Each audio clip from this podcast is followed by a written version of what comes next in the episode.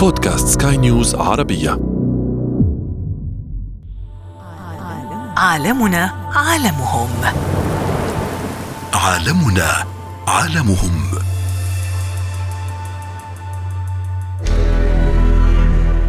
تلقيح النباتات يعني تقريبا 80% من النباتات المزهره على وجه الأرض النحل ليه دور مهم جدا في تلقيح النباتات ديت وفي ازدهارها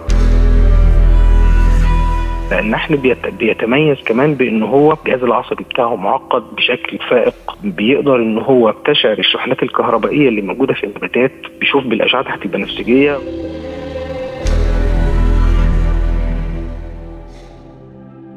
مملكة النحل واحدة من أهم الحشرات على وجه الأرض معجزة حجمها واحد جرام مخلوقة بطلة ربما تتخطى الأبطال الرياضيين في إنجاز مهمات صعبة. مملكة النحل. مملكة تقودها الأنثى. ملكة النحل. عالم آخر يعيش في مملكته ويبني ويعمر. ليس لمملكته الخاصة فقط بل لعالم الإنسان والكائنات الحية على وجه الأرض. لا تتوقف أهمية النحل على إنتاجها للعسل الذي يتغذى عليه الإنسان. النحلة مسؤولة عن تلقيح سبعين من أصل مئة نوع من المحاصيل الزراعية. جسدها الصغير يغطيه شعيرات دقيقة. لالتقاط حبوب اللقاح فعندما تقف على الزهور لارتشاف الرحيق تلتقط حبوب اللقاح وتنقلها بين الأزهار فهي تقوم بدور موازن كما تفعل الرياح التي تقوم بتلقيح نباتات كالذرة والقمح. أما النوع الآخر فهي شعيرات منفردة تساعدها على استشعار محيطها لتجنب الخطر. انتبه مملكة النحل في خطر ومهددة حول العالم. تواجه مملكة النحل معركة البقاء. كيف يحدث ذلك؟ انخفضت أعداد النحل حول العالم بسبب ارتفاع درجات حرارة الأرض بسبب التغيرات المناخية. فتتفتح الزهور قبل أوانها قبل أن يستفيق النحل. وعندما يذهب لإسكات جوعه وممارسة مهامه يجد الزهور ذابلت وماتت. هناك أسباب كثيرة أخرى أدت إلى تضرر النحل. الإفراط في استخدام المبيدات الحشرية ومنهم مبيد نيونيكوتينويد الذي يفسد الجهاز العصبي للنحلة فتضل الطريق عن خليتها فتموت. إزالة الغابات وقطع الأشجار يقضي على الموائل الطبيعية للحياة البرية وبالتالي تتناقص مصادر غذاء النحل. فتقل أعداده ويقل التكاثر فتناقص أعداد النحل. سيكون له الكثير من التداعيات وهي نقص أعداد كبيرة من المحاصيل الزراعية أو ربما تختفي من على وجه الأرض. عالمنا عالمهم. عالمنا عالمهم. أهلا بكم مستمعينا الكرام في حلقة جديدة من عالمنا عالمهم وسيكون الحديث اليوم في هذه الحلقة التي نخصصها للحديث عن يعني حشرة تعتبر من أهم الحشرات على وجه الأرض. نتحدث اليوم عن مملكة النحل. هذه المملكة المنظمة التي أدهشت العالم والعلماء. في البداية نرحب معنا بالدكتور أحمد طه رئيس قسم متابعة اللقاحات بالحج البيطري بمطار القاهرة الدولية. أهلا بك دكتور. دكتور أحمد نبدأ في البداية ونتعرف منك على أهم سمات النحل وأهم أنواعه. لو اتكلمنا عن النحل هو النحل طبعا من الحشرات النافعة. وعلشان يعني نفهم النحل عبارة عن إيه هو النحل باختصار بينتمي لطائفة من مفصليات الأرجل أو غشائيات الأجنحة. وده منتشر في جميع قارات العالم. تقريبا ما عدا قارة القطب الجنوبي. وهو طبعا بيندرج تحت رتبة الحشرات ولكنه طبعا من الحشرات النافعة. ليه بعض الصفات الشكلية اللي بتميز الطائفة ديت إن هو بيكون ليه يعني زور من الأجنحة وليه أرجل وبيتميز طبعا بوجود مفاصل جوينتس ما بين الأجزاء الجسم المختلفه دي عبارة عن الرأس والصدر والبطن. والنحل طبعا ليه دور مهم جدا جدا جدا. ان هو مش مش بنقول حشره نافعه دوره الأساسي والرئيسي بخلاف أنواعه اللي هي بتنتج العسل. آه، تلقيح النباتات. يعني تقريبا 80% من النباتات المزهره على وجه الأرض النحل ليه دور مهم جدا في تلقيح النباتات نعم. ديت وفي ازدهارها تمام. طب و... لو تحدثنا عن تفاصيل عملية نقل حبوب اللقاح أو ارتشاف الرحيق كيف تتم هذه العملية من خلال النحل اللي هي تكون النحلة العاملة أو ما يسمى بالشغالات؟ تمام. هو يعني طبيعة التكوين آه، بتاع جسم النحلة آه، طبعا ليها قرون آه، استشعار بتكون في في في الذكر أطول من الأنثى وجسمها مغطى بشعيرات دقيقة. طبيعة النحل إن هو بي بي بيروح على النباتات أو على الزهور لأن هو بيستطيع الرؤية بالأشعة فوق البنفسجية.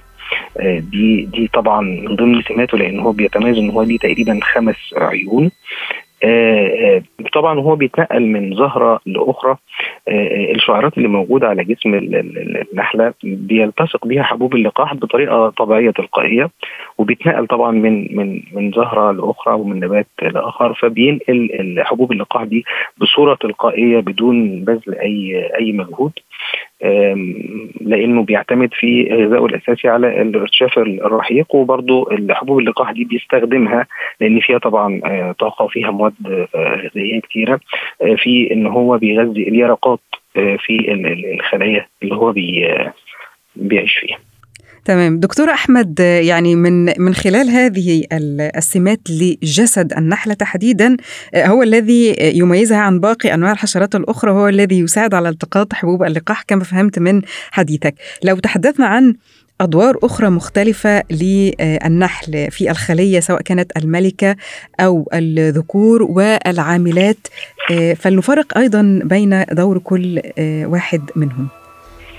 هو بالفعل أي خلية للنحل تقريبا بيكون فيها ما يقارب ال 30 ألف أو ال 40 ألف لحد 60 ألف آه، آه، نحلة ده العدد وبيكون لكل خلية ملكة. واحدة ودي بيكون يعني بتتميز بإن هي بتكون الأكبر في الحجم. وعدة مئات من من الذكور ودور الذكور طبعا هو تلقيح الإناث.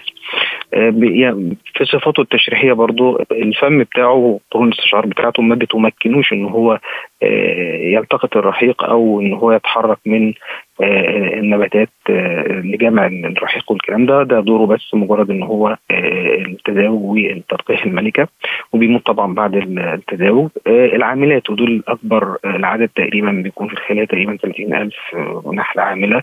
ودي اللي بتقوم بأدوار كتيرة جدا تغذية اليرقات وجمع الرحيق وتكوين العسل وتكوين الخلايا الشكل نفسها وعمرها بيتراوح في في الصيف تقريبا أسابيع وفي الخريف وفي الشتاء ممكن تعيش لحد أربع شهور أو خمس شهور وبتموت بعد ما بتأدي دورها. ودورها طبعا آه، يعني هو هو الدور الأساسي في الخلية. ده ما يخص النحل اللي هو آه، آه، منتج العسل لأن في أنواع أخرى كتير من من النحل. لكن أهمهم طبعا اللي هو النحل العسل. هم تقريبا 800 نوع لأن في ما يقارب 20000 نوع من من النحل. بأنواع مختلفة بسلالات مختلفة منتشرة في كل قارات العالم. يعني هنقول مثلا على سبيل المثال في نحل العسل اللي هو البري وفي أنواع سلالات نحل العسل الهندي ونحل الصخور والنحل الجبلي وفي أنواع أخرى طبعا من النحل ما بتنتجش العسل اللي نحل الطمان ونحل الحفار والافرو فطبعا ال ال لا ينتجون العسل نهائيا. آه لا في انواع كثير ما بتنتجش العسل.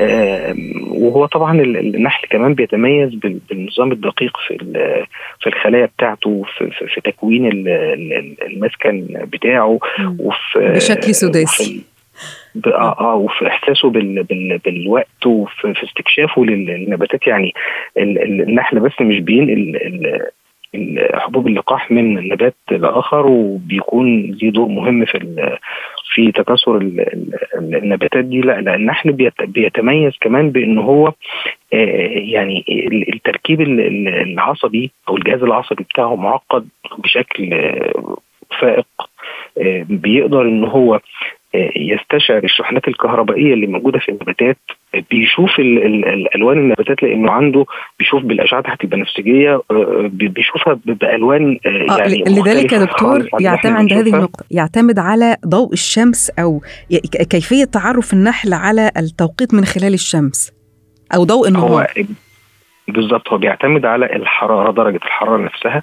بتاعت الشمس والضوء لأن هو بيقدر يشوف الأشعة فوق البنفسجية. فبالتالي آه، في أوقات معينة بي بي بيطلع فيها النحل علشان آه، يعني ياخد الرحيق.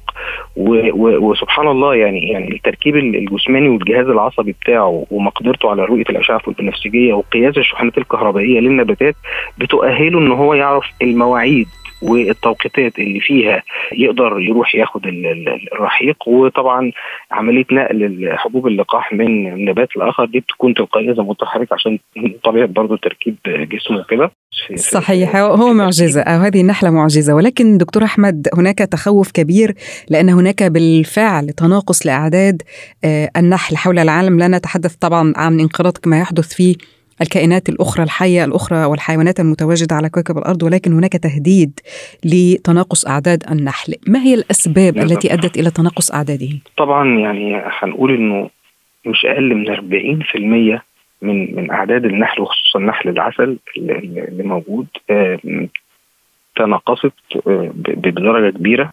وطبعا يعني هنقول يعني معظم الأسباب اللي هي بتؤدي للانقراض أو لتناقص أعداد آه، كائن حي ما آه، معروفة التلوث بأنواعه.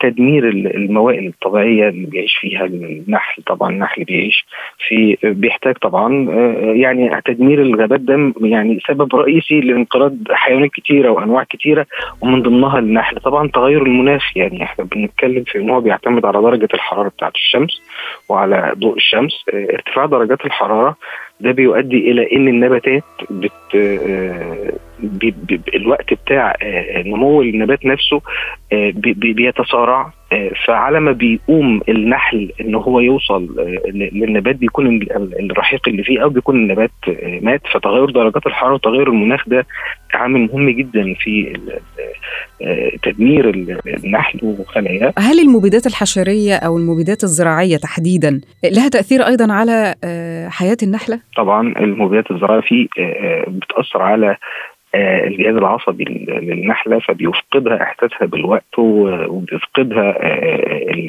إحساسها بال زي ما قلنا إن هي بيكون في يعني بتقدر إن هي تستنشق الرحيق أو بتقيس الشحنات الكهربائية. ده بيأثر على النحلة. بعض المبيدات بتأثر على النحلة بطريقة مباشرة. بعض المبيدات بتؤدي لموت النحلة بطريقة مباشرة. وبعض المبيدات الزراعية بتخلي عندها بيحصل عندها عملية خلل في في في في جهازها العصبي ما بتقدرش إن هي تقوم بأدوارها. آه، بالإضافة يعني في حاجة جديدة آه، بغير المبيدات الحشرية طبعا انتشار التليفونات المحمولة. فعارف إن شبكات التليفون المحمول دي بتأثر الإشعاع الكهرومغناطيسي اللي بيطلع منبعث من شبكات التليفون المحمول ده بيضعف آه، الجهاز العصبي للنحلة بالتالي بيؤدي لنقص في إنتاج النحل. بخلاف طبعا التلوث بصورة عامة تلوث الهواء والمياه وكل أنواع التلوث. صحيح. آخر سؤال دكتور أحمد هي الحلول للحفاظ على النحل من تناقص اعداده طبعا يعني هنقول التوقف عن كل الممارسات المؤدية للتلوث تقليل استخدام المبيدات الزراعية في حاجات أورجانيك في حاجات عضوية آه، ممكن استخدامها لكن إحنا بنستسهل وبنستخدم الحاجات اللي هي بتجيب نتيجة قوية وسريعة ولكن بتؤثر وبتؤدي لفناء بعض الأنواع. حتى ايفن النباتات نفسها يعني المبيدات الزراعية خطيرة على النباتات نفسها مش بس على النحل اللي بيساهم في تكاثر آه، النباتات ديت. الزراعة. إن إحنا نقلل موضوع آه، القطع الجائر للغابات والأشجار لازم يكون في تدخل آه، من آه، يعني على على مستوى الأفراد وعلى مستوى الحكومات والجهات إنه يتم توفير موائل طبيعية أو أو مساعدة إنه يرجع ترجع الموائل الطبيعية للنحل لأنه فناء النحل معناه فناء نباتات كتيرة جدا جدا وده هيأثر وهينعكس على آه، حياتنا بصورة عامة. صحيح صحيح. وضحت الصورة تماما. نشكرك جزيل الشكر. دكتور أحمد طه رئيس قسم متابعة اللقاحات بالحج البيطري بمطار القاهرة الدولي. شكرا جزيلا لك. عالمنا عالمهم. عالمنا عالمهم.